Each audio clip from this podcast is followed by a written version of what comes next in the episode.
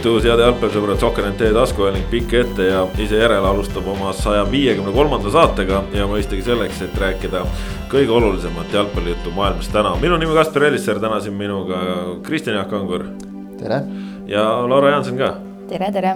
no selles mõttes tänane saade teemade valiku osas tuli kokku üsna lihtsalt, sellepärast et äh, möödunud reedel tuli uudis, mida oli oodatud, kardetud, võib-olla mõni ka lootnud. eelkõige siis klubi madalamal tasemel, kes sai sellega võimaluse kõrgemale tasemele. ühesõnaga Maardu linnameeskond teatas siis reedel, et nende jaoks aitab küll sellest tippjalgpallist. olid nad esiliiga võiduga kindlustanud omale pääsu premium liigasse, aga kuna klubi on, ütleme, raskes seisus alates sellest hetkest, mil satuti möödunud sügisel sihukesesse kihlveoskandaali. siis on materiaalselt raske, sponsoreid raske leida ja, ja kõik muud hädad ka veel sinna juurde. ühesõnaga Maardu otsustas, et nemad premium-liigas ei mängi, ei mängi ka esiliigas, esiliiga B-s mitte, vaid langevad teise liigasse ja hakkavad seal oma klubi noortega vaikselt seda asja ajama, see tähendab seda, et äh, korralik doominoefekt lükkas siis äh, nupud ringi ja, ja ümber ja igatpidi ja Tallinna Kalev siis äh, mängib esiliiga asemel premium-liigas, kuigi üleminekumängud Tartu Tammekal olid kaotanud. noh, Pärnu vaprus säilitas juba omale varem kõrgliiga koha, sellepärast et Viljandi tulevik oli loobunud. aga nüüd siis Maardu langemisega tõusis esiliigasse Pärnu jalgpalliklubi, kes muidu oleks pidanud mängima esiliiga B-s. ja esiliiga B-sse sai oma esinduse välja panna Nõmme Kalju U kakskümmend üks võistkond, kes oli sealt välja langenud, nii et palju positiivseid uudiseid ka nende jaoks. no kõik see, mis nüüd siis. hea lihtne sihuke selge skeem oli praegu. jah, kõik see, mis nüüd siin toimus no Kristjan Kangur vist saab öelda, et tegelikult, tegelikult see ei tulnud nüüd liiga suure üllatusena ei no ega ta mingi šokk ei olnud selles suhtes, et äh, noh, esiteks see, see uurimine. Äh, nagu sa ütlesid, äh, kahtlustus siis mängu tulemusega, mängu tulemusega manipuleerimises on vist selle asja ametlik nimetus. ega Maardu linnameeskonna presidendil Maksim Krivošenil ilmselt oli sada protsenti õigus, kui ta ütles, et ei, ei, ei olegi võimalik sponsoreid naljalt leida, ükskõik mis klubist me räägime, räägime me Maardust või või mis tahes klubist, et kui sul ikkagi selline nii-öelda kirves pea kohal ripub, noh, meil on ju siin olnud, eks ole, üks, üks skandaal ühel Tallinna klubil ja, ja kohe peasponsor, särgisponsor lahkus ja, ja noh, arvestame praegu juurde veel selle, et, et, et isegi ilma skandaalideta, kust sa neid sponsoreid nii väga leiad praegu. et selles mõttes jah, üllatus ei olnud ja, ja noh, juba see, et Maardu linnameeskond ju alustas siin ülihilja hooajaks ettevalmistust, mitte ühtegi uudist ei tulnud ju uute mängijate kohta Pärnu vaprus, eks ole, kes sai ootamatult selle kõrgliiga koha kätte, tagasi nii-öelda ikkagi. hakkas ju kohe tooma endale mehi, kes olid kuskilt mujalt üle jäänud ja, ja kohe turul tegutsema, tõid treeneri, noh, kõik, kõik asjad, eks ole. treeneri vist küll ei ka ikkagi ju pärast seda, eks ole, kui, kui oli, kuulutati ju välja, kui oli kõrgliiga koht juba selge. et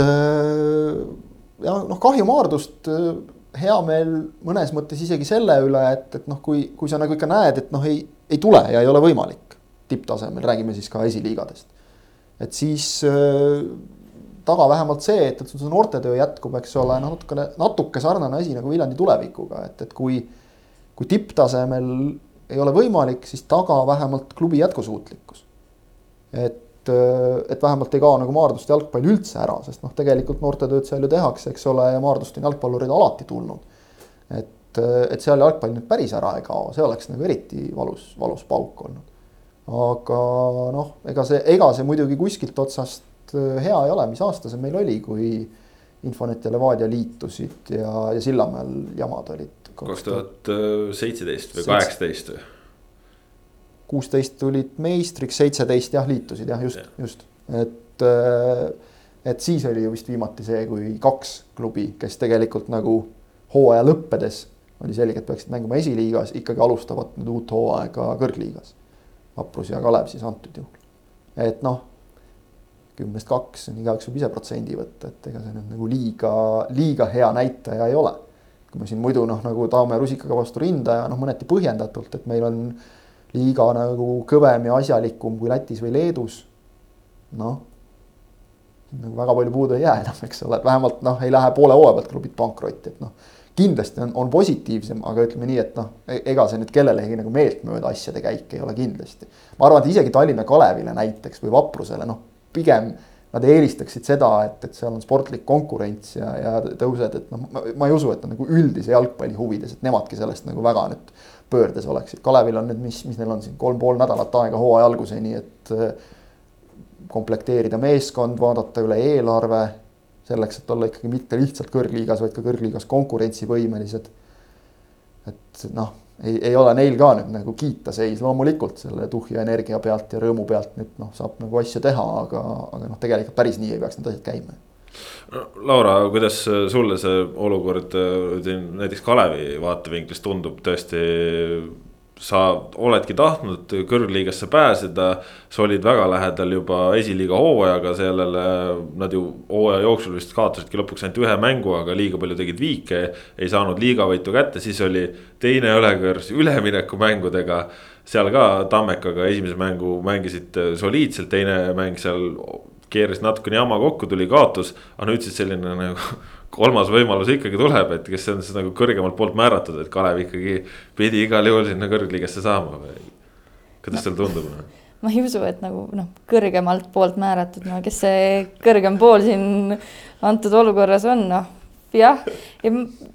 ma ei teagi, no eks olukord üldse on noh, kentsakas kokkuvõttes ju, aga, aga teisalt ma arvan, et noh,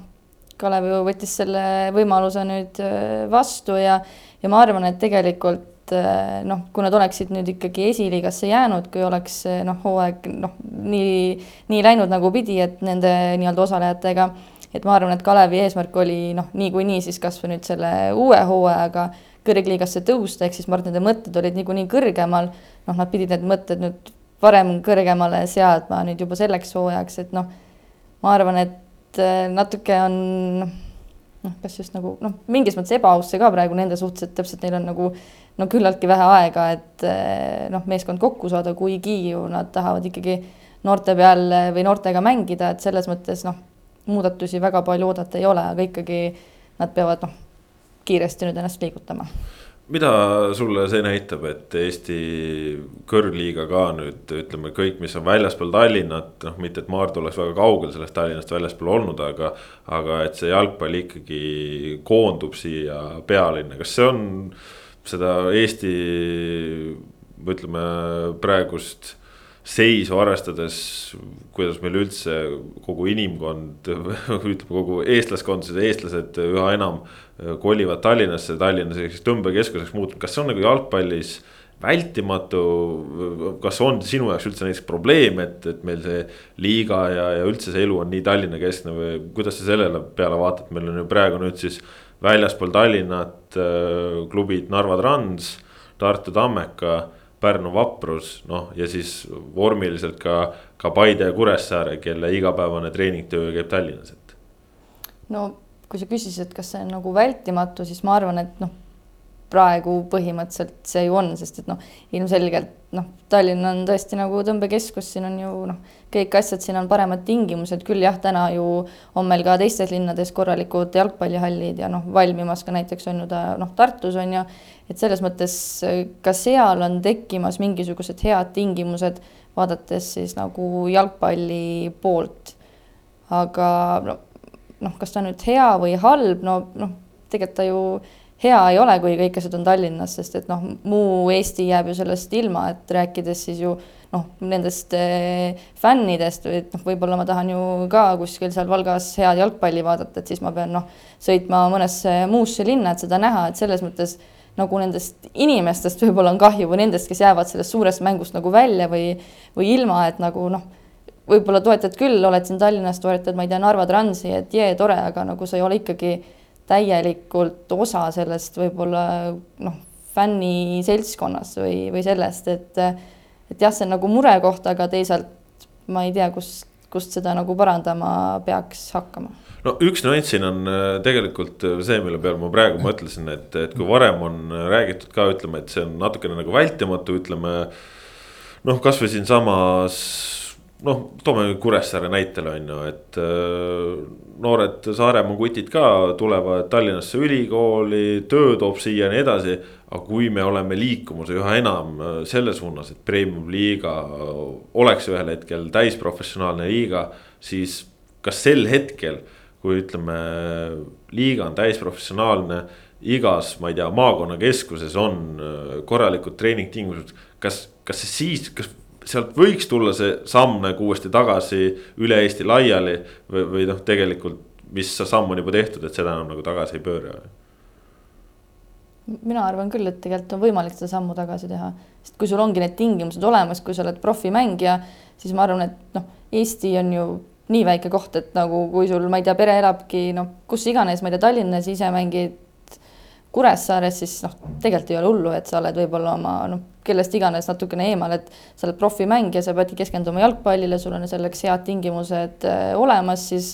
ma arvan, et noh, see on võimalik. Äh, üks asi, mis on ka nüüd äh, Kalevi tõusmisega väga päevakorras. Kalevi president Ragnar Klavan on ühtlasi kõrgliigas Paide linnameeskonna kaitsemängija, proff, elukutseline jalgpallur Kristjan Jaak, sa oled ise ka asjaosalisega suhelnud, kuidas sa sellele olukorrale peale vaatad? noh, üks on see, kuidas mina vaatan, eks ole, teine on see, kuidas, mida, mida Klaavan on öelnud ja siis igaühel on veel oma nägemus. et äh, tema enda sõnum oli väga lihtne ja lühike ja noh, vot vahel kirjast lugedes või noh, mitte vahel, vaid enamasti kirjas lugedes ei ei tule see päris niimoodi välja, võib-olla see, see, mida sa näed inimesega silmast silma suheldes. et eh, noh, kui Ragnar Klavan ütleb sulle, et, et ma olen proff ja need kaks rolli suudan lahus hoida, siis sa usud teda üldiselt kes on temaga nagu pikemalt rääkinud, ma arvan, või noh, üldse nagu vaadanud mõnda tema intervjuud, et sellel mehel on põhimõtted paigas, et seal nagu ei ole küsimust. noh, minu jaoks kindlasti, noh, ma ei usu, et neid palju on, kes nagu kahtlevad palju on, palju on selliseid, neid, kes ütlevad umbes nii, et, et kui, et kõik sellised olukorrad tuleb eos välistada. noh, ma saan aru, kust see tuleb. ma saan tegelikult väga hästi aru, kust see Eesti jalgpallist tuleb, see tuleb sellest paljude puhul, et jalgpalliliidu president on olnud ühe klubiga väga tihedalt seotud ja sealt noh, enamik selliseid seisukohti tuleneb ja selles mõttes põhjendatult et äh, loomulikult, mida vähem on selliseid kokkupuutepunkte, seda parem.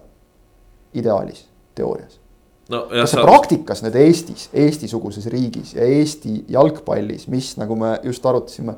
koondub äh, ühte linna kokku suuresti. ma vahepeal huvi pärast korra vaatasin, et, et kuidas näiteks Soomes seis on. Soomes on kaks Helsingi klubi.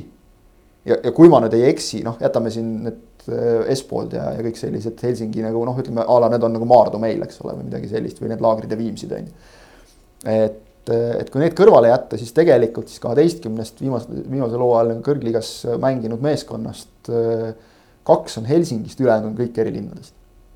et see võiks nagu noh, olla ideaal, aga noh, meil ei ole seda ja kui meil on kõik koondunud siia, siis, siis, siis inimesed liiguvad noh, klubidest klubidesse meie see klubi jalgpallipüramiid on nii kitsa tipuga paraku. et, et selliseid kokkupuutepunkte on palju. ärme unustame seda, et, et Klavani puhul on praegu ka selles mõttes nagu eriolukorraga tegemist, et see uudis tuli nüüd. ta on, ta on, ta on Paidega käed löönud, Paide on komplekteeritud, Paide on temaga arvestanud, tema on arvestanud, et ta mängib Paide eest. ei saa ka Paidet alt vedada, öelda, et kuule, ma ei tule nüüd ikka noh, see, see nüüd kukkus nagu selgest taevast niimoodi kraesse, eks ole, see, et, et need klubid mängivad samas, samas liigas. nagu ta ise ütles, noh, kes tahab vandenõu, vandenõuteooriaid aretada, saab ja võib seda loomulikult teha. kas see nüüd on mõttekas? noh, selles osas on mul ka oma suhteliselt selge arvamus, et, et mängijad ikkagi lähevad väljakule proffidena isegi siis, kui nad võib-olla nagu ametlikult profiks ei kvalifitseeru. kui keegi tahab petta, siis, siis ta petab, sõltumata sellest noh, millised võimalused talle nagu anda, sa, sa leiad, leiad variandi selleks. see on nüüd minu meelest nagu uskumise küsimus. ja ideaalis jah, võiks need rollid noh, selles, tähendab selles mõttes olla lahus, et, et sa oled ühes klubis ja siis oledki seal. noh, tegelikkuses, kas, kas see nüüd nagu on teema? Minu jaoks ei ole ausalt öeldes. et kui sa oled noh, sa oled ühes klubis, oled jah, president ja teises oled mängija siis need kaks rolli minu jaoks on ikkagi nagu piisavalt, piisavalt erinevad. et, et noh. mingi väärikus on inimestel, mis ei luba nagu teatud asju teha. kui me siin räägime nüüd noh, a la midagi, et Klavan teeks mängijana midagi Paide kasuks. Ja nüüd ongi selles küsimus, et, et kas sa usaldad seda, et inimesel on see väärikus või mitte. mina isiklikult, minu jaoks Klavani puhul ei ole seal küsimust ka üldse. aga kas saab nagu kuidagi kedagi, kes sellesse ei usu, veenda. noh, ma, ma kahtlen selle, selles ka natukene, et, et tihtipeale sellised asjad nagu näitavad minu jaoks vähemalt selle kahtleja enda mõttemaailma kohta üht-teist põnev on see, et sellesse olukorda on sattunud eh, Eesti noh, aegade üks paremaid jalgpallureid, kui üldse mitte kõige parem jalgpallur on ju, kes on Eestis eh, väga armastatud, kes on siin alles mõned aastad tagasi mänginud Liverpoolis, kes möödunud aastal mängis veel Itaalia kõrgliigas. et just tema on siia sattunud, mitte ei ole keegi, keegi teine. aga paned, meil on olnud selliseid olukordi ju ka, Pelle Pohlak ju kaalus öö, olles Flora president kaalus mängimist Kuressaare eest ja loobus sellest. seal oli roll siis jah nagu teistpidine. seal oli roll teistpidine ka jah, eks ole, natukene. et äh, noh, hea, et loobus. aga vot ütleme, Flora ja Kuressaare noh, teatavad sidemed on läbi aegade olnud ka selgelt suuremad. et seal, seal võib-olla noh, nagu mingi küsimärk on ka suurem, kusjuures ma usun, et kui ta oleks mänginud siis on ka jälle lihtsalt see koht, et noh, kes, tema oleks mänginud tõenäoliselt täies nagu tões ja vaimus Kuressaare eest. unustades nende üheksakümne minuti jooksul ära selle, et ta on ka Flora president. no meil hakkavad siin mängima juba kasvõi mingid asjad, et sa mängid oma mingi endise klubi vastu, sa mängid oma mingite sõprade vastu, noh no ma, Pelle Poolak mängis ju möödunud aastal äh, teises liigas äh, Kose eest Flora U üheksateist võistkonna no. vastu ja seal väga armu ei andnud. no eks ole, no alati, alati saab nagu leida selle, selle, selle võimaluse, Klavaniga on hea näide just see, et, et kui ta nüüd on siin viimastel aastatel, ta ei ole ju veel siiamaani koondise esindamisest tegelikult loobunud. seda ei ole kuskil nagu öeldud, eks ole, et ta kunagi tagasi ei tuleks äh, vaatame nüüd Paide eest nüüd täishooaeg, eks ole, on ju täiesti võimalik, et, et valikus, kuigi meil tegelikult noh, keskkaitsjate koha peal on, on mehi võtta küll, aga kunagi ei tea, millal tuleb jälle selline asi nagu eelmise aasta alguses näiteks aga siis, kui Klaavan loobus, siis hakkasid ka mingisugused need jutud umbes sedasi, et a la stiilis, et nagu ei austa koondist. mis mõttes ei tule, seab oma klubi, seab klubi tähtsamaks koondisest. selliseid jutte noh, vähe oli, aga neid siiski oli noh, jällegi minu jaoks isiklikult täiesti arusaamatu jutt, me räägime mehest, kes on mänginud, ma ei tea, palju aastaid koondise eest ja palju mänge, eks ole, tugevalt üle saja, noh. mis loogika see on, aga ometigi on inimesi, kes, kes nii leiavad. noh, neil on õigus nii leida. aga Klaavan ei hakka ju nende pärast nüüd tulema nagu koondisesse, et neile midagi tõestada. et kas, kas nagu on alati nüüd vaja seda, et noh, olen nagu vaadanud ja kuulnud siin ka eriarvamusi umbes, et, et tuleb teha nii, et selliseid kahtlusi üldse ei tekiks. noh, kuidas sa saad teha nii, et kellelgi mingeid kahtlusi ei tekiks, kui keegi tahab kahtlusi tekitada oma peas, siis ta tekitab.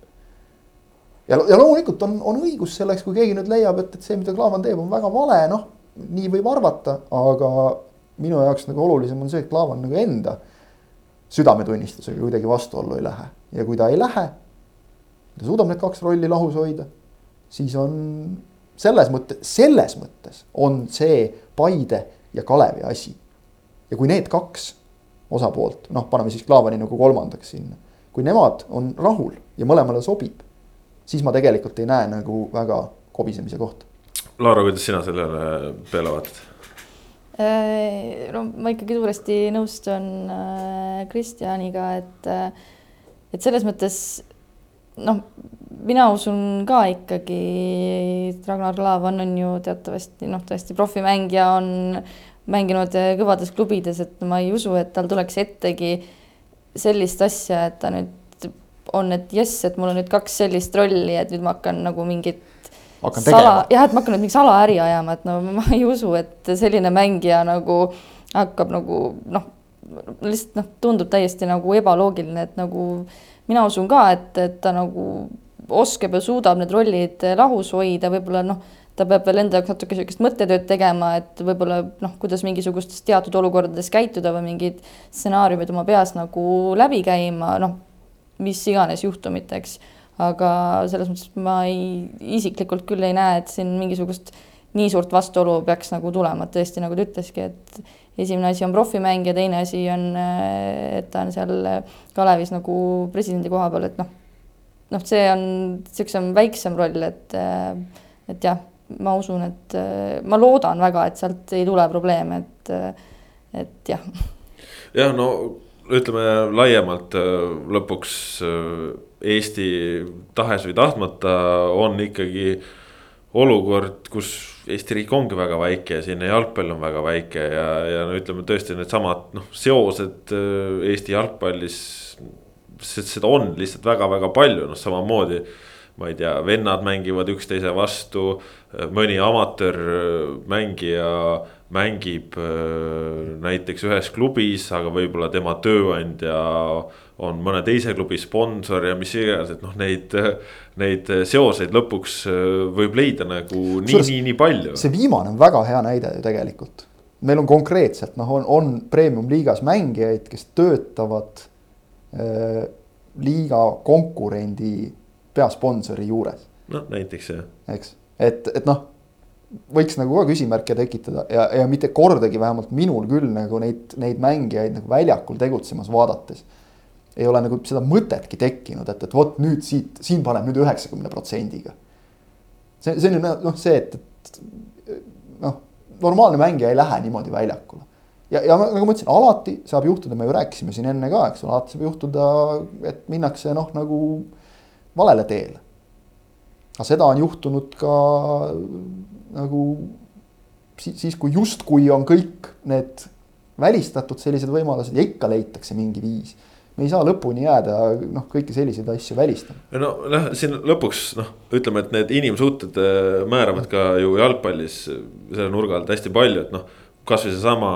palju on räägitud, on ju, Flora ja Kuressaare, et saavad jube hästi läbi. aga noh, see on ju loogiline, et nad saavad hästi läbi, kui Flora praegune president Pelle Pohlak on olnud Kuressaares mängija, ta on olnud Kuressaares treener, noh ta ju saabki nendega hästi läbi, et seal, seal ongi ju tema sõbrad ja, ja, ja noh, muidugi sellised ju partnerlus, sõprussuhted, neid on igal pool, neid on ju maailma jalgpallis on samamoodi, et mingi agent saab mingi klubiga väga hästi läbi. siis selle ühe agendi mängijad lähevad sinna ühte klubisse või treener on kuskil, saab, saab mingi teise klubiga hästi läbi ja siis need liinid, noh, see kogu see jalgpall no, ju toimibki nii. või no suvaline näide, et kui siin Klavaniga seoses ka korra nagu räägiti, noh umbes võib-olla võimalusest, et mis on ka jabur, eks ole, umbes a la, et noh, et ta võib-olla Paide eest nagu Kalevi vastu ei tohiks mängida, eks ole aga see oleks ju ülimalt ebaõiglane Klaavani klassiga mängija puhul, siis nagu teiste meeskondade puhul, kes on siis ütleme seal Kalevi konkurendid, eks ole, näiteks püsimajäämise nimel, noh eeldatavasti see saab nii olema. võib-olla see natukene aitab ka, et noh, Paide mängib tabeli ülemises pooles, Kalev eeldatavasti siiski tabeli teises pooles, et noh, nagu päris otseselt, noh, kui keegi umbes, ma ei tea, oleks a la noh, Levadias nagu kuskil ametis ja, ja mängiks Flora eest, noh no siis noh, ütleme, et ma ütleks võib-olla natukene veendunumalt, et noh, ega ta nüüd nagu hea ei ole või ideaalne ei ole, aga ka siis see taandub ikkagi inimese enda eetikale. no seal tõenäoliselt antakse juba emast klubist nagu mõista, et kuule, et noh, võib-olla päris ei ole nagu okei okay.. aga, aga just seesama noh, kõik need mingid sugulussuhted, eks ole, ma ei mäleta eelmisest hooajast nagu vihasemaid äh, duelle ääre peal Ojamaa versus Ojamaa ja seal küll armu ei antud kuskilt otsast, nagu mõlemad panid nii nagu, nii nagu tuli ja, ja tehti vaat kohati oli sihuke tunne, et noh, vennale tehti veel kaks kraadi kõvem viga, kui oleks mõnele teisele vennale teinud, eks ole, noh sihuke. ja, ja siis, siis ongi lõpuks need olukorrad, kus sa, kus sa mängidki ka, ka selle klubi vastu, kes on sind kasvatanud näiteks. ja, ja meil ei ole ju Eestis seda, et, et noh, nagu ütleme, Inglismaal on tavaks näiteks, eks ole, et oma, kui sa oled laenul kuskilt klubist, et siis nii-öelda noh, oma emaklubi vastu ei mängi. no see on reeglitega keelatud, sihukest punkti ja. ei tohi olla lepingutes sees, ehk siis. noh, jah, aga ometigi, eks ole, see nagu Inglismaal see toimib, eks ole. no Inglismaa teeb palju asju teistmoodi kok. kokkulepped, noh, nad on Inglismaa, eks ole, et, et seal on, on kokkulepe nagu nii-öelda vaikiv jah, aga lepingus ei tohi sellist punkti olla, eks ole. reglemendis ka kirjas Eesti, no just, Eestiski. eks ole, ja, ja meil Eestis, eks ole, mängitakse kogu aeg noh, võiks ju ka mõelda umbes nii, et, et noh, kas siis sedapidi, et, et ühest küljest nagu, et siis ma ei tea, oled ütleme Florast kuskil tulevikus laenul või, või võtame siis sellesama Kuressaare kasvõi, eks ole, et Kuressaares laenul, et noh, siis ühte, üks variant on siis see, et lasen nagu jala sirgu. ja siis teine variant on see, et, et kuna, kuna Flora tahaks mind võib-olla endale, et siis ma nüüd nagu panen hullu just, eks ole, seal, et, et noh. siis ja siis veel ikkagi õnneks, õnneks tulevad nagu need, mis, mis võtavad nagu sihukese jama maha ka need, need tulemused sisse nagu siin, kuhu Flora tiitel läks, eks ole et noh, need, need asjad, need mängud nagu näitavad hästi ära, et, et kas seal Kure lasi jala sirgu, eks ole, kuigi seal noh, võiks ju ka mõelda igasuguseid asju, eks ole. Noh, jah, eks lõpuks et... nagu saadki hästi palju asju mõelda, aga, aga lõpuks on ju see, et, et inimeste minevikke või, või, või tõesti sidemeid kuidagi sa nagu ära ei kaota, et kui noh, ma ei tea, suvaline näide, et Paide abitreener Erkki Keskela, et ta töötas enne Nõmme Unitedis ja siis noh, tundub nagu loogiline, et Nõmme Unitedist mingid paremad noored kutid liikusid Paidesse, noh nagu on siin pihid äh, ja nii edasi, on ju, et äh, noh. ja, ja, liikusid ka noh, Kevin Mätas läks Tammekasse näiteks, et noh, ei, ei ole nagu nii ühene, et kui sa hakkad nagu otsima neid seoseid, et, et noh, kindlasti on seotud, no siis ikka leiad ka, sest noh, Eesti jalgpallis kui sa esiliigast liigud, sul on kümme klubi, kuhu sa minna saad, eks ole, et noh, mõnes on, alati mõnes on keegi ees et siin on ka juba öeldud, et no ma ei tea, et, et kui nüüd äh, Paide hakkab tooma Kalevist mingisuguseid vendi või Paide hakkab kedagi Kalevisse laenule andma, no ma ei tea, mis siis, no, no mis siis noh no, no see on, isegi tundub üpris loogiline et.... ja, ja, ja mis, mis siis on nagu, eks ole, selles suhtes, et, et see. selliseid asju, neid, neid siukseid võrke ja, ja teooriaid on jube hea punuda kuskil noh, tribüünil või laua taga üldse monitori taga istudes ja, ja arutades ja nuputades, aga, aga noh. natukene, tuli praegu lihtsalt meelde, Ken Kallaste eelmise hooaja lõpus veel pressikonverentsil, et küsiti, küsiti küll selle kohta, et et kas mõtlete nagu ka noh, siis ülejärgmisele mängule, et, et nagu hoida ennast, ei Kallaste lõikas selle küsimuse poole pealt läbi, ütles, et jalgpallur mõtleb järgmisele mängule, kõik ja tegelikult siin on nagu sama asi, et kui jalgpallur on väljakul, siis ta mõtleb mängule. kui ta tahab seal väljakul olla mingi muu eesmärgiga, siis noh, ükski selline reegel ega, ega mingid asjad ei, ei takista, kui sul on südametunnistus must ja, ja noh, ütleme veel, kui siin seda teemat natukene korraks veel ka äh, laiendada, noh, ongi alaliidu presidendi teema peale, siis noh. me oleme sellest oleme varem ka juttu olnud, et noh, mitmetes teistes riikides on, on ju kasvõi Soomeski on ja ju, et ala, alaliidu president ongi samal hetkel ka teises klubis. Eh, klubi president, aga, aga mis, mis on selle asja tuum, on ju see, et noh, ka Aivar Poolaku näide on ju. et kui ta on jalgpalliliidu president, siis kuidas eh, on võimalik kustutada eh, ära tema sidet Floraga olukorras, kus ta on ise selle klubi loonud, ta on klubi looja ta on klubi looja, noh, see ju jääb teda saatma täpselt nii samamoodi kui jalgpalliliidu president oleks, ma ei tea, Kuno Tehva, siis ju keegi ei võtaks ära seda minevikku, mis on temal Nõmme Kalju või kui jalgpalliliidu president oleks Mart Poom. siis keegi ei võtaks ju ära äh, seda minevikku, mis on temal Nõmme Unitediga, mis on talle enda noh. kui meil oleks Nikolai Burdakov näiteks äh, jalgpalliliidu president, siis automaatselt hakatakse rääkima, kuidas ta igas asjas soosib Narva Transi, raudselt, no ei ole küsimustki, kindlasti kahtlemata, et noh, see, see on natukene nagu asi, mis käib sellega kaasas. muidugi on alati on mingisuguseid selliseid asju, noh, kus ütleme, küsimusi tekibki võib-olla, eks ole. aga noh, seda nüüd täielikult välistada. nagu ma ütlesin, et noh, arvata, arvata võib kõike, loomulikult see on, meil on ju, sõna on vaba teatavasti, eks ole selleks on õigus, aga nüüd ongi see, et, et noh, kui kaugele nagu nende mõttearendustega minna, selles on küsimus ma ei tea, mingite asjade puhul tõesti võib, võibki nii olla täiesti, et keegi ongi saanud, eks ole, kuskil mis iganes suhted me nagu võtame niimoodi, eks ole, mingit edu ja võib-olla mõni jalgpallur on mänginud niimoodi, et, et et, et panebki teinekord üheksakümne protsendiga, arvestades, et vot näed, sõber on vastas, ma talle ei löö, on ju. kindlasti on sellist asja ka olnud, mitte ainult Eestis, mujalgi, eks ole. kuskil mingil tasandil, mingil moel on, on see kuidagi nagu välja löönud, eks. Aga noh, endiselt ma ütlen, et, et siin, siin ei ole tähtis see, kas, kas see paberil, kas Klaavan paberil peatab äh, Kalevi presidendiks olemise selleks aastaks või mitte Kalevis on tal ju nii-öelda juba noh, nagu oma inimesed, see on ikkagi selles mõttes tema klubi, et kui ta praegu nagu annaks paberile allkirja, et mina, Ragnar Klavan, luban, et ma taandan ennast Kalevi presidendi ametist. et Kalev ei lähe mulle selle, selle järgmise aasta kaks tuhat kakskümmend kaks jooksul korda. Noh, see on absurd ju tegelikult. et noh, kas siis tegelikult ka midagi muutub sellest? ei muutu jah, aga noh, siit äh, tulles veel äh, laiemalt äh, selle olukorra peale, kus meil on nüüd kõrgliigast langenud tulevik ja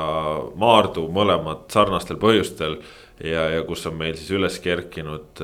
Vaprus, kes langes, aga nii-öelda jäi püsima ja, ja Kalev, kes tegelikult väga tahtis tulla. Laura, mis seisus sulle tundub üldse see Eesti nagu klubi jalgpall öö, olema, et me ei ole nagu esimest aastat sellises olukorras, kus meil hooaeg lõpeb ära. ja siis lõpuks selgub, et noh, ega lõpuks väga palju ei sõltunudki sellest, et kuidas te selle hooaja seal lõpetasite, et siis tulevad omad asjad, mis lõpuks määravad ära, kus keegi mängib, et. noh, raske nagu öelda, no ma arvan, et ähm, selles mõttes natuke nagu eriline see aasta ikkagi selles mõttes on tõesti, et noh, nii palju muudatusi nüüd äh, tänavu on ja selles mõttes nagu ka viimasel hetkel need nagu toimuvad. aga ma arvan, et mingis mõttes on see nagu noh, kas just nagu paratamatu, aga nagu tahes-tahtmata nagu kõikides eluvaldkondades tuleb selliseid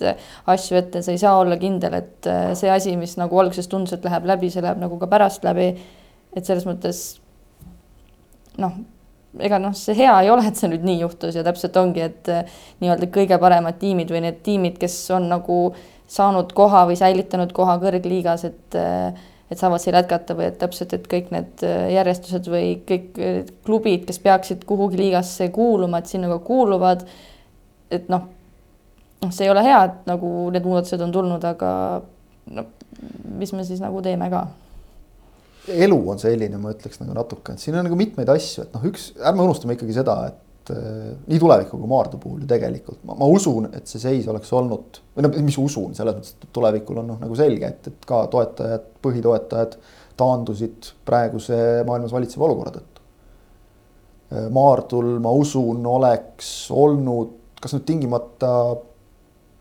sel hooajal, noh arvestades neid asjaolusid, aga, aga nagu pikemas plaanis ka olnud kergem vast leida leida toetajaid. natuke nagu ka, vaat natuke teine asi veel ka see, et natuke laiemast ringist. meil on veidikene praegu see selline üleminekuperiood ka, kus nagu hakkavad klubid, just nimelt klubidest hakkavad saama klubid, et ei ole esindusmeeskond, vaid klubid. see on ka see põhjus, miks ma ütlesin, mul on väga hea meel, et Maardus nagu noh, Maardu klubi kui selline jääb ikkagi alles, noorte jalgpall kõik jätkub. et, et asi nagu täiesti ära ei lagune aga kui vaadata ka, kes altpoolt peale tulevad, et siis see, see, see mulle tundub, et see, see klubi just nagu laiapõhjaline struktuur, et see on olulisemaks muutumas järjest. küll aga natukene praegu mulle paistab, on probleeme sellega, noh, see on jällegi nüüd see, et, et sa ei küsimus nagu mitme tahuga, et, et kui meil nagu staadionite puhul või infra puhul tekib nagu alati see, et, et noh miks me mängime siin talvel ja külma ja sellega, et noh, me peame nagu liigaga ees minema, siis küll siis infra tuleb järele. noh, võib-olla nõus, võib-olla mitte, eks ole, selline seisukoht on võetud, nüüd on nagu natuke seesama, et noh, me peame nagu pürgima selgelt profiliiga poole. et küll siis nagu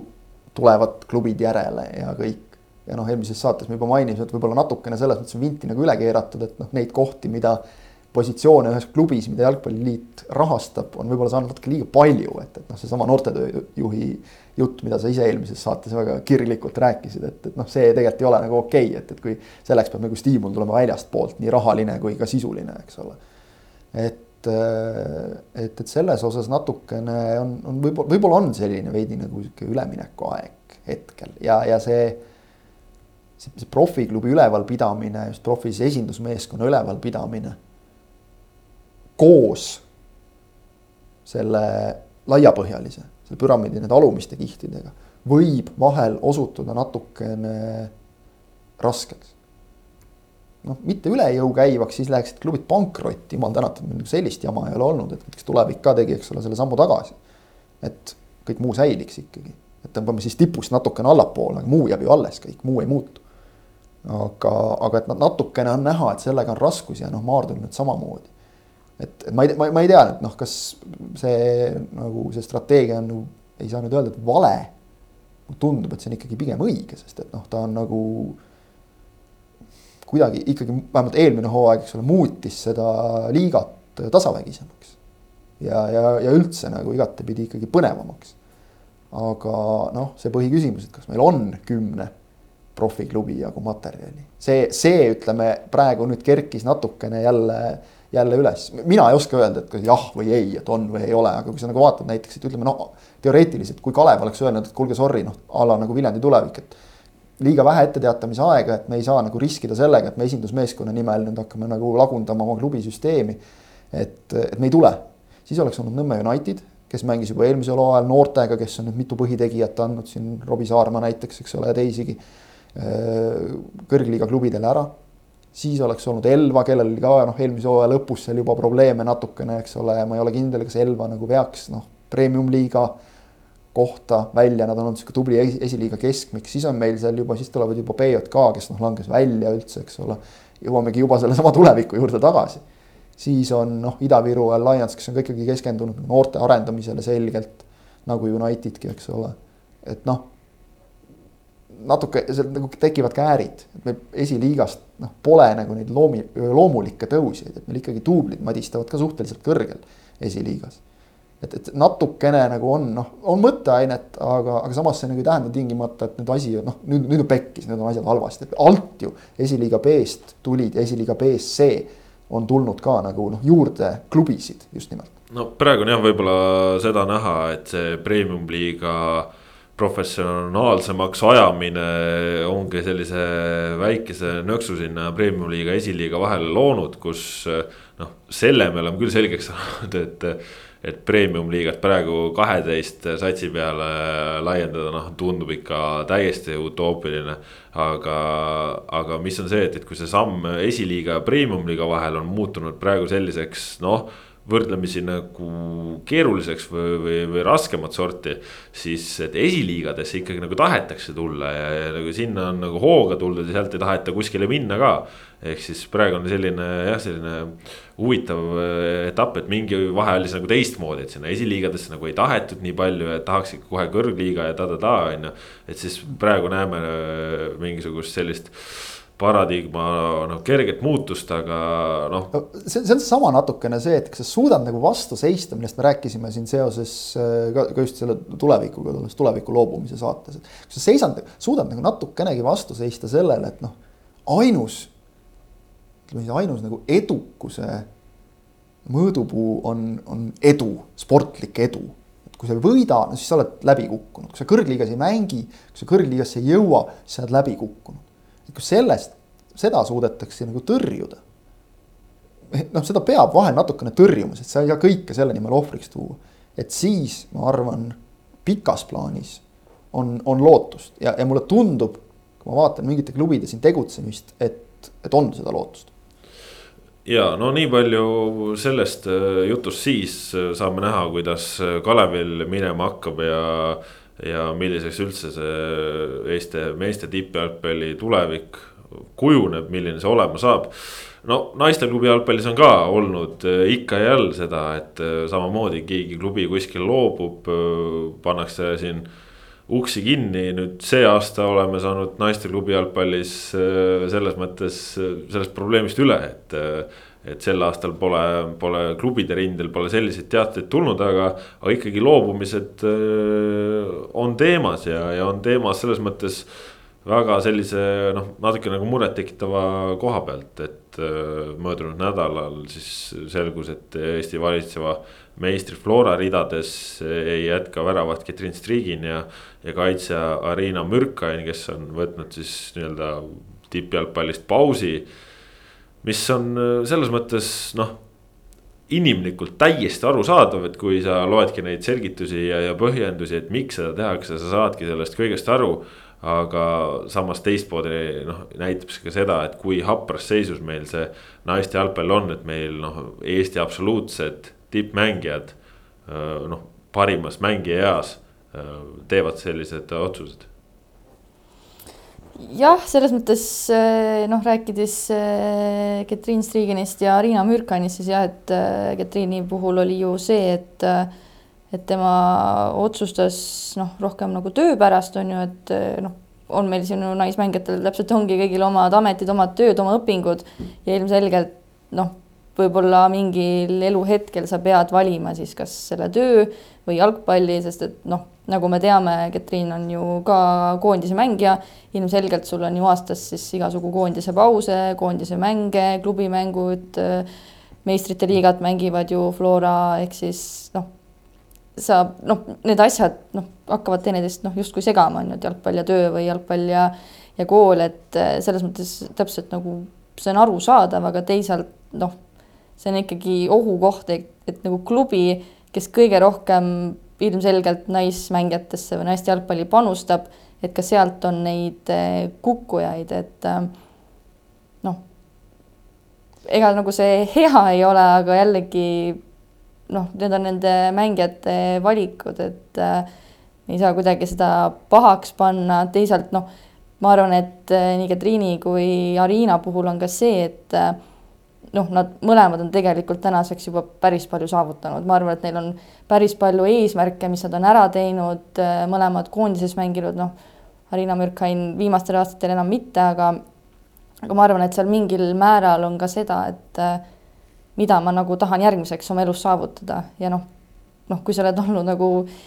Eesti meister mitmeid aastaid, karikaid tõstnud pea kohale, jee, et noh, see jee läheb iga hetkega aina väiksemaks ja nagu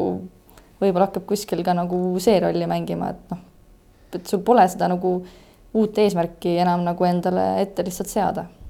sest jah, Eesti noh,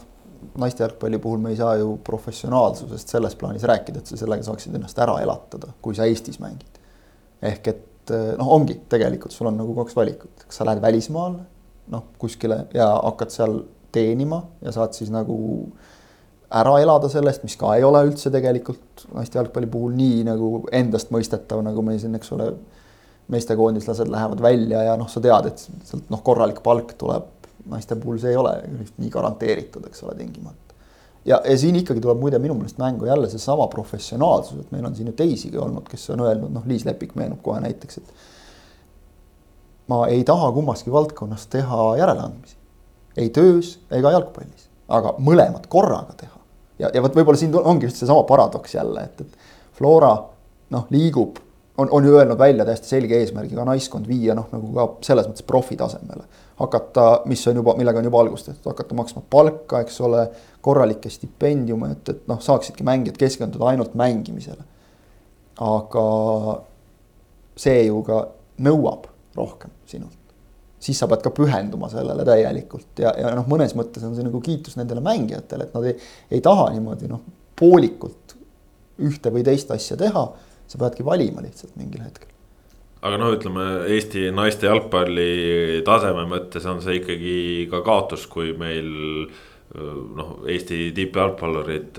kasvõi siis selles koduses liigas enam konkurentsis ei ole, on ju. seda niikuinii, aga noh, meil on ka meesteliigas ju olnud seda, eks ole, et, et just mõni mängija, kes on saanud kaheksateist nüüd nagu ja andekas mängija, et nüüd lähevad noh, just nagu uksed lahti ja ta otsustab hariduse kasuks näiteks.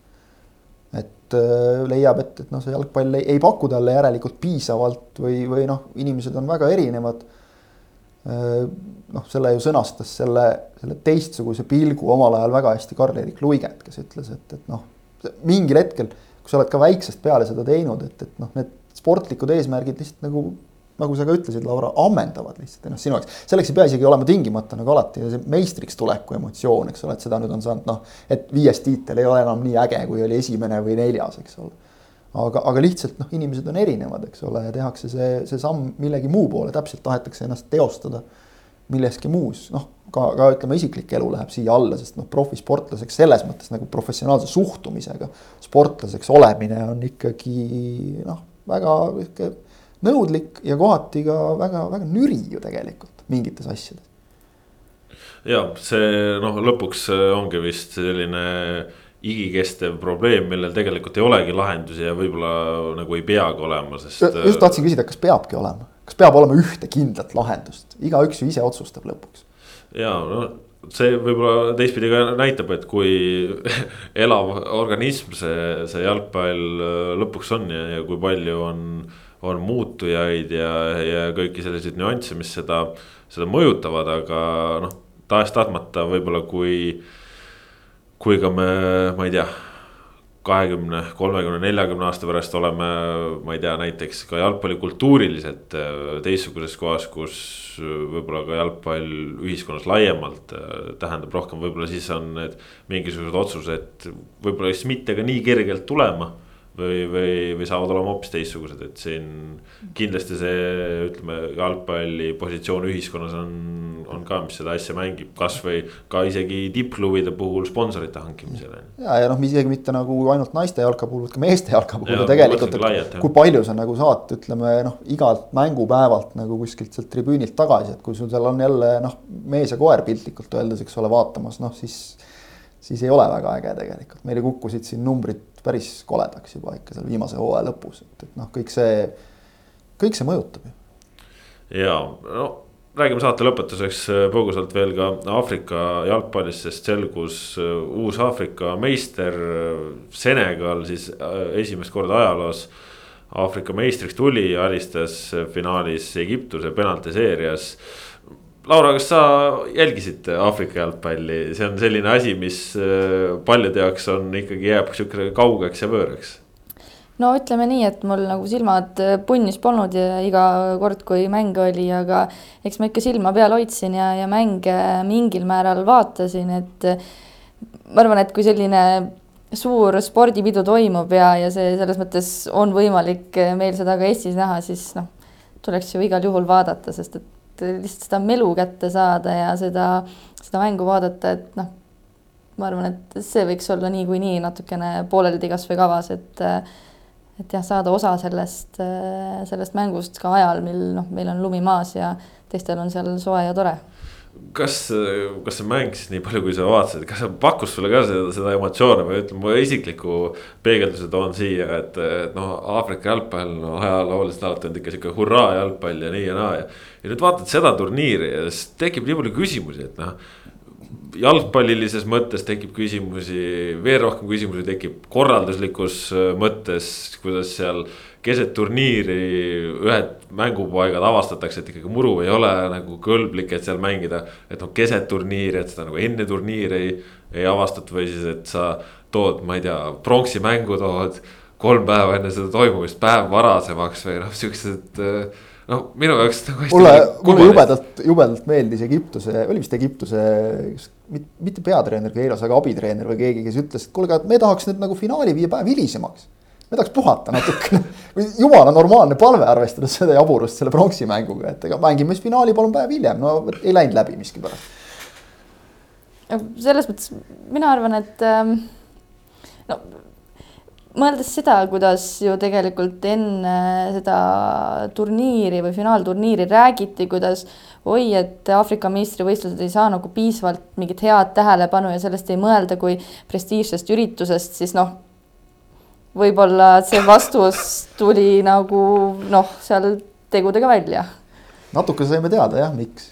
aga ütleme, mina olin pettunud nagu selles osas, et ei olnud väga, ei olnud väga äge turniir mänguliselt, jätame selle, seda on iga kord juhtunud seal, et, et noh, mingid siuksed natukene. see on see aafriklaste, ütleme siis diplomaatiliselt selline loominguline suhtumine nagu mängukorraldusse, et noh, küll saab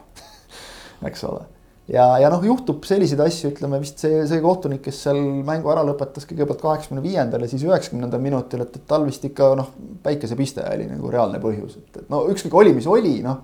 no juhtub, noh, eks ole, meil on MM-il olnud täiesti nagu tubli Euroopa kohtunik, kes andis samale mehele kolm kollast kaarti on ju ja siis avastas, et ah, punane on ka olemas. et noh, selliseid asju tuleb ette, aga mänguliselt et seda, seda Aafrika, seda lustlikkust nagu oli, oli ikka väga vähe ja ikka viimased mängud eriti, kus midagi mängus ka oli. Egiptus tegi siin ju noh, sellise asja, mida on võimalik ainult korrata, et noh, nagu üle teha ei ole kuidagi võimalik, et mängid kolm korda üheksakümmend minutit alagrupi mänge ja siis neli korda sada kakskümmend veel sinna otsa, et noh, siis saab, kui turniirid suuremaks lähevad, siis saab teha. aga, aga muidu ju ei ole võimalik, et mina ei tea, et, et kui keegi jalgpalli ajaloolane on, on fikseerinud selle, siis ma, ma tõesti niimoodi ükshaaval turniiri üle ei vaadanud, aga üritasin meenutada ja mulle küll ei meenunud ühtegi, kus oleks keegi mänginud nagu kõik neli play-off mängu lisaaja lõpuni välja. et sellist, sellist ei tule küll meelde, et noh, Mo Salahit oli ikka väga valus vaadata eilsel finaali lisaajal, et noh, tahtejõudu oli, aga enam jalad all ei käinud. aga, aga, aga siis läks nagu eriti nendes sõelmängudes läks nagu asi ikka väga nüriks pinged nii suured, panused nii kõrged ja, ja nagu mängu oli, oli natuke vähe. et muidu me oleme ju näinud, vot noh, sa, sa isegi neid mänge kommenteerides, ma mäletan mingis, vähemalt kahes mängus vist imestasid, et mees, kes mängib Euroopa tippklubis ja ei tee seal iial selliseid lollusi. nüüd siin järsku hakkab mingit kunsti tegema väljakul, mingit abstraktset kunsti sellist looma nagu, et astub palli peale ja noh, nii edasi, eks ole. et, et kuidagi nagu noh, võiks nagu see, ka see positiivsem pool sellest tulla, et, et nagu see, see noh, see Aafrika, see vabadus. kui vaatad neid fänne tribüünil seal noh, vaheaeg. näidatakse fänne, muidu nad noh, kes seisab, kes sööb hot dogi, seal käib lihtsalt tants. kaks meest ajavad juttu, kolmas ajab nendega ka juttu ja, ja, ja tantsib seal kõrval rahulikult. et no selliseid asju nagu äge vaadata, see on see, see, see, see, see vaba Aafrika hing või see, aga väljakul midagi sellist me üldse ei näinud vähemalt mina ei näinud küll üldse, ma ei vaadanud ka noh, tõesti täielikult täismahus seda turniiri, aga aga, aga mulle sellist asja silma ei jäänud, mingeid üksikuid väikseid sähvatusi. aga sellist asja nagu näiteks omal ajal ütleme üheksakümnendatel noh, ka kes seal olid Nigeeria näiteks. sellist niisugust noh, vaba loovust, mille muidugi siis lõpuks Euroopa efektiivsus tampis maatasa hiljemalt kuskil veerandfinaalis jälle. või, või meenutame siin Ghanat näiteks kuulsat Uruguay'ga mängu ja noh, seda turniiri, eks ole, sellist asja ei olnud. ja sellest on kahju no võib-olla jah, laiemalt äh, see ikkagi natukene paljastas äh, neid teatavaid äh, probleeme just terviklikkusel Aafrika koondise tasemel, et. et kuigi ju seal lõpus, kes finaali mängisid ja, ja, ja üldse seal poolfinaalideski olid ja tipus, noh, seal ju väga palju tippklubide jalgpallureid ja individuaalset kõrget klassi, aga seda ühistegemist, et.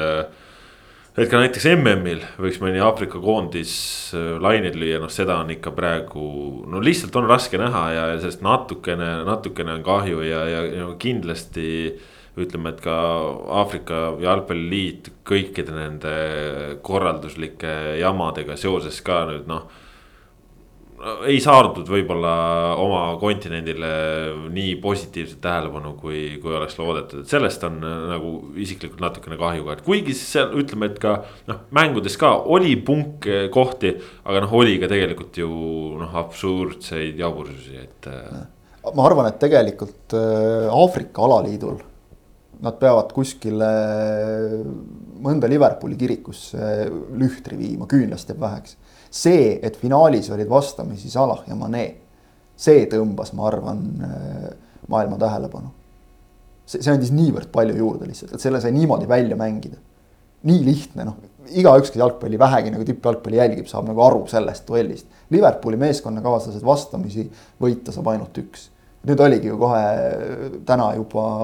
võeti see leht Flight Tracker ette, kus on näha lennukite liikumised reaalajas. ja sealt oli hästi näha, et, et sel hetkel, kui äh, Salahi lennuk hakkas noh, juba jõudma Liverpooli. siis äh, Mane oma oli teel Dakari suunas.